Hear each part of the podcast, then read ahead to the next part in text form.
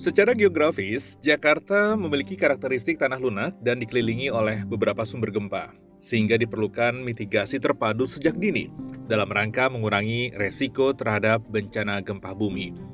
Menjawab itu, Jakarta punya Satgas Penanganan Resiko Bencana Gempa Bumi. Apa tugasnya?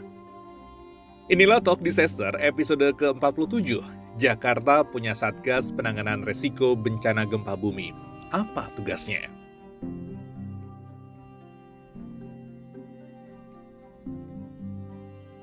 Secara geografis, Jakarta memiliki karakteristik tanah lunak dan dikelilingi oleh beberapa sumber gempa, sehingga menjadikannya wilayah yang tidak luput dari potensi bencana alam gempa.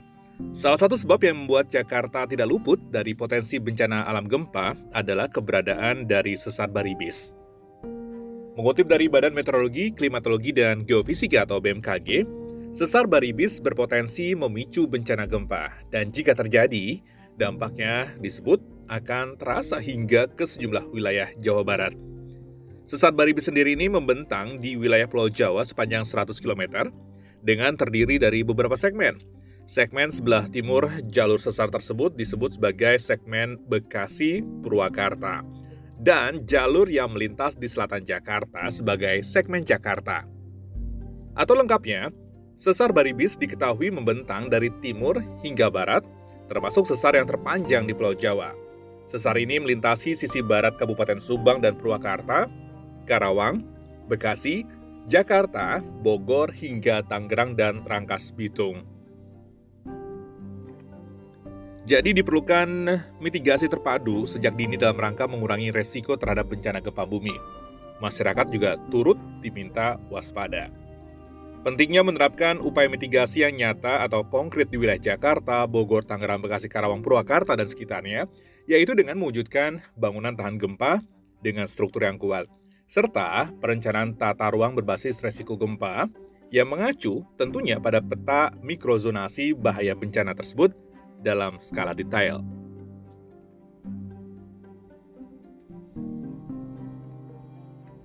Dengan kondisi seperti ini, sudah wajar kalau perlu dilakukan tindakan antisipatif melalui cara-cara mitigasi baik mitigasi struktural maupun mitigasi non-struktural.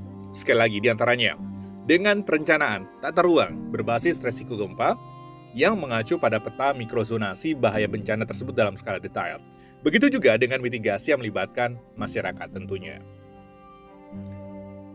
Yang perlu jadi catatan adalah berdasarkan daftar 25 kota dengan gedung pencakar langit terbanyak di dunia, yang dikeluarkan oleh Council of Tall Building and Urban Habitat melalui skyscrape skyscrapecenter.com, Jakarta ini ada di posisi 13. Ya, ini data ya yang dikeluarkan oleh Council on Tall Buildings and Urban Habitat melalui skyscrapercenter.com. Ini Jakarta, saya lagi ada di posisi 13. Jakarta memiliki gedung pencakar langit sebanyak 156 gedung pencakar langit dan posisi Jakarta itu di atas kota Bangkok yang berada di peringkat 14 dengan 133 gedung pencakar langit. Lalu ada kota Singapura di Singapura tentunya dan ini berada di peringkat 16 dengan 127 gedung pencakar langit. Jakarta 13, Bangkok 14, sementara Singapura di peringkat 16. Jakarta juga berada di atas kota Seoul di Korea Selatan yang ada di peringkat 17 dengan 104 gedung pencakar langit maupun Toronto di Kanada yang ada di peringkat 20 dengan 101 gedung pencakar langit. Sementara Jakarta juga masih di bawah Kuala Lumpur yang menempati peringkat 8. Jadi kalah ya uh, jumlah gedung pencakar langitnya antara Jakarta dan Malaysia. Jadi uh, Jakarta di 13, Kuala Lumpur di Malaysia ini menempati peringkat ke-8 dengan total 209 gedung pencakar langit. Dan berdasarkan data itu, dari total 156 gedung pencakar langit yang dimiliki Jakarta, sebanyak 110 gedung dengan tinggi di atas 150 meter dan 46 gedung dengan tinggi di atas 200 meter. Sebenarnya data ini bukan sekedar data atau prestasi atau hanya angka-angka, enggak seperti itu sih sebenarnya. Tapi kemudian ini uh, menjadikan sesuatu yang harus disikapi.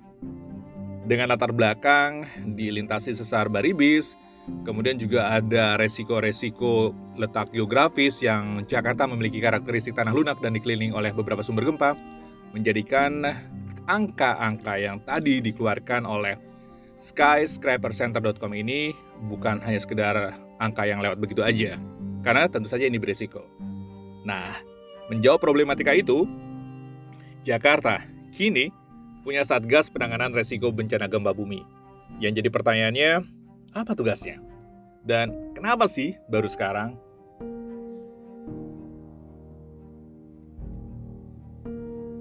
Nah, sebelum menjawab itu, Talk Disaster kasih gambaran statistik bencana yang terjadi di Jakarta.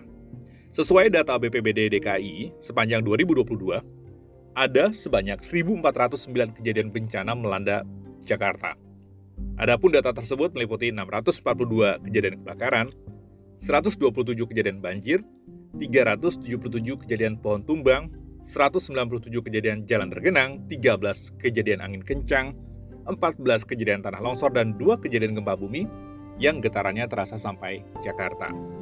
Selain itu tentu aja ada 30 kejadian bencana lainnya seperti bangunan roboh, orang tenggelam, dan kapal tenggelam. Dari data itu, kejadian bencana kebakaran pada gedung dan permukiman menjadi jenis bencana tertinggi yang terjadi sepanjang 2022 dan terbanyak pada Agustus 2022. BPBD DKI Jakarta tentunya juga memperkirakan Selama tahun 2022 itu, nilai kerugian kebakaran mencapai sekitar 130,6 miliar rupiah. Banyak? Yes, banyak.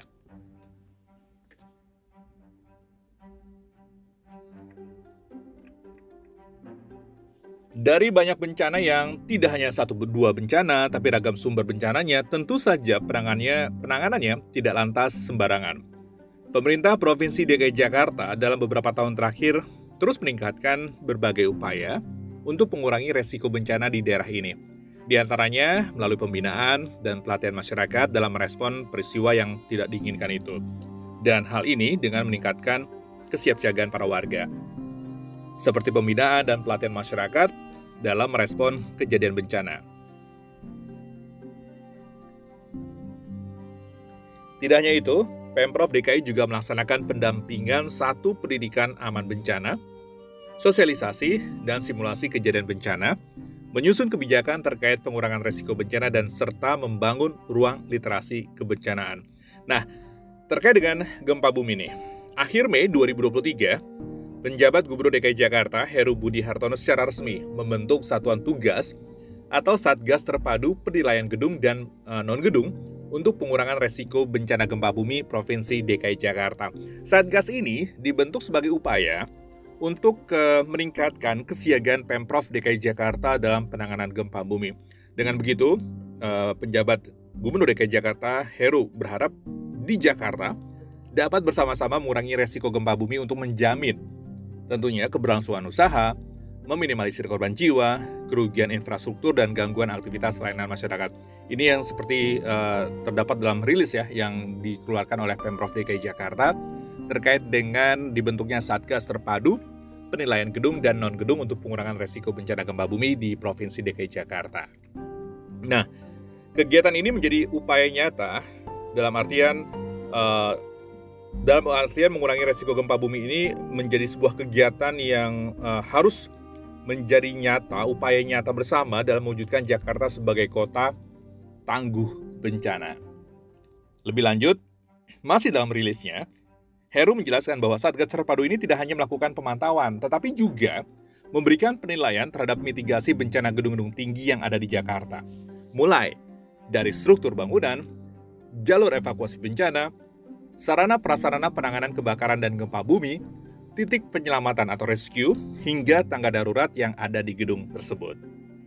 Lengkap ya, jadi nggak sekedar hanya melakukan uh, pantauan aja, tapi juga melakukan penilaian terhadap mitigasi bencana gedung-gedung tinggi yang ada di Jakarta. Sekali lagi mulai dari struktur bangunan, jalur evakuasi bencana, sarana-sarana penanganan korban uh, kebakaran dan gempa bumi, dan titik penyelamatan atau rescue hingga tangga darurat yang ada di gedung tersebut. Dan adapun Adapun penilaian itu nantinya akan diintegrasikan ke dalam sebuah sistem yang dinamakan Sidu Gatami. Ingat ya, Sidu Gatami atau Sistem Gedung Tangguh Bencana Gempa Bumi. Sidu Gatami, Sistem Gedung Tangguh Bencana Gempa Bumi. Selain itu, Heru juga meminta adanya penambahan pos-pos pemadam kebakaran dan terpadu di lokasi-lokasi strategis. Alasannya adalah agar waktu yang ditempuh ke titik lokasi bencana dapat diperpendek.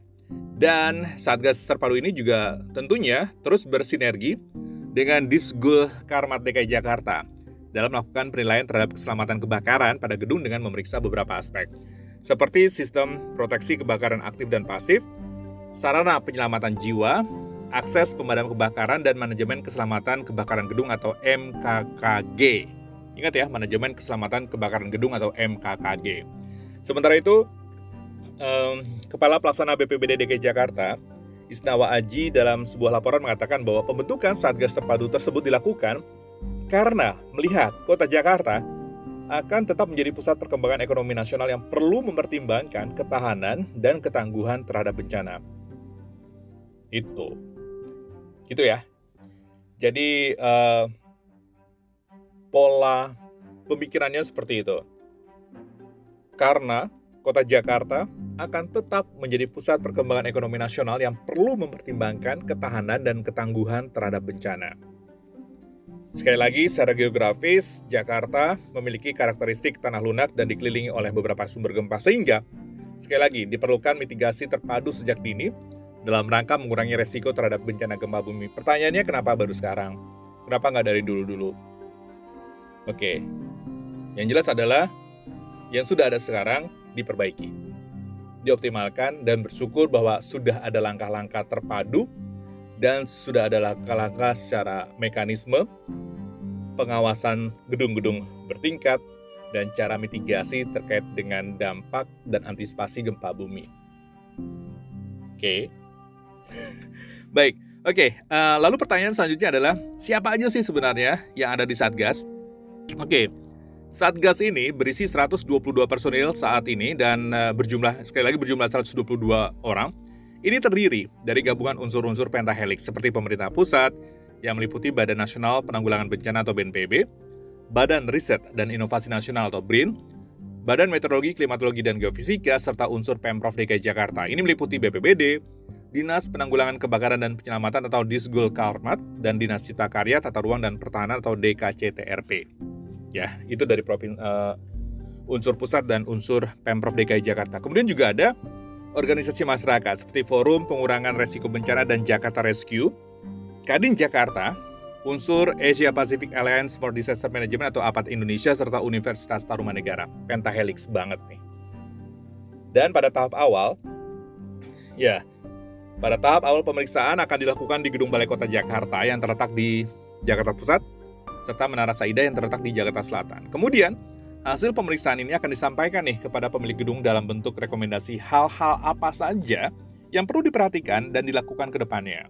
Untuk tahap selanjutnya, pemeriksaan akan dilakukan sebanyak dua kali dalam sebulan dengan menyasar pada fasilitas umum dan fasilitas publik.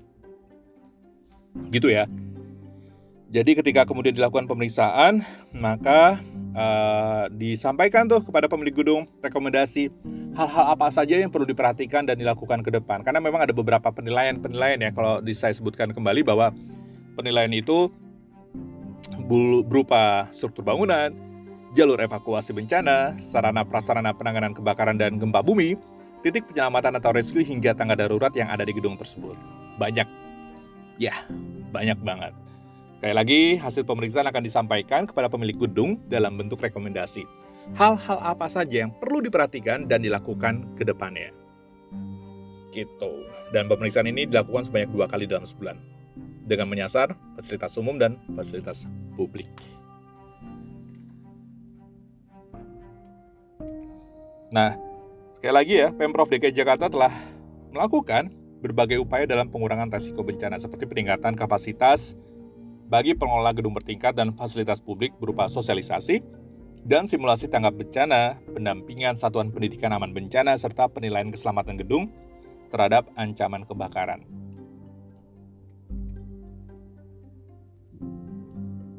Dan eh, semoga aja peran Satgas penanganan resiko bencana gempa bumi ini dapat optimal ya. Dan tentu saja juga peran Satgas ini tidak akan ada manfaatnya jika tidak ada peran serta masyarakat yang mau membuka diri akan pemenuhan kewajiban dari Satgas ini. Apa sih? Ya tentu aja, pemilik atau pengelola gedung ini ngasih izin dan keleluasan agar gedungnya ini diamat-amati nih oleh Satgas Terpadu. Kemudian kan nggak, ya nggak lantas dapat hukuman atau apa, paling tidak kan dikasih rekomendasi next afternya apa nih, seperti itu. Jadi mesti harus terbuka ya, mesti harus ngasih izin dan memberikan keleluasan kepada petugas untuk gedung miliknya ini diamat-amati nih, gitu. Karena sekali lagi Satgas ini tidak hanya melakukan pemantauan tetapi juga memberikan penilaian terhadap mitigasi bencana gedung-gedung tinggi yang ada di Jakarta. Mulai dari struktur bangunan, sekali lagi saya sebutkan ya, dari struktur bangunan, jalur evakuasi bencana, sarana prasarana penanganan kebakaran dan gempa bumi, titik penyelamatan atau rescue hingga tangga darurat yang ada di gedung tersebut. Tujuan akhirnya adalah keselamatan sih. Jadi nyawa nggak boleh dimain-mainkan, ibaratnya seperti itu kan.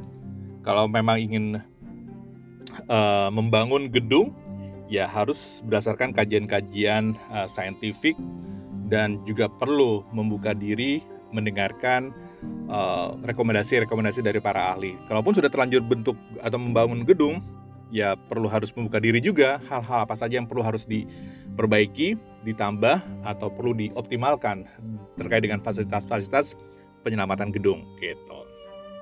Jelas ya? Oke, demikian tadi episode ketiga, uh, episode ke-47. Jakarta punya Satgas Penanganan Resiko Bencana Gempa Bumi. Apa tugasnya? Ini sekaligus uh, episode khusus ya. HUT Jakarta ke-496 di tanggal 22 Juni. Akhir kata saya Prihadi Adi ucap terima kasih dan pamit undur diri. Kita akan ketemu kembali untuk membahas talk disaster di topik-topik lainnya yang tidak kalah serunya. Sekali lagi terima kasih telah menyimak Talk Disaster untuk episode ke-47 ini. Assalamualaikum warahmatullahi wabarakatuh.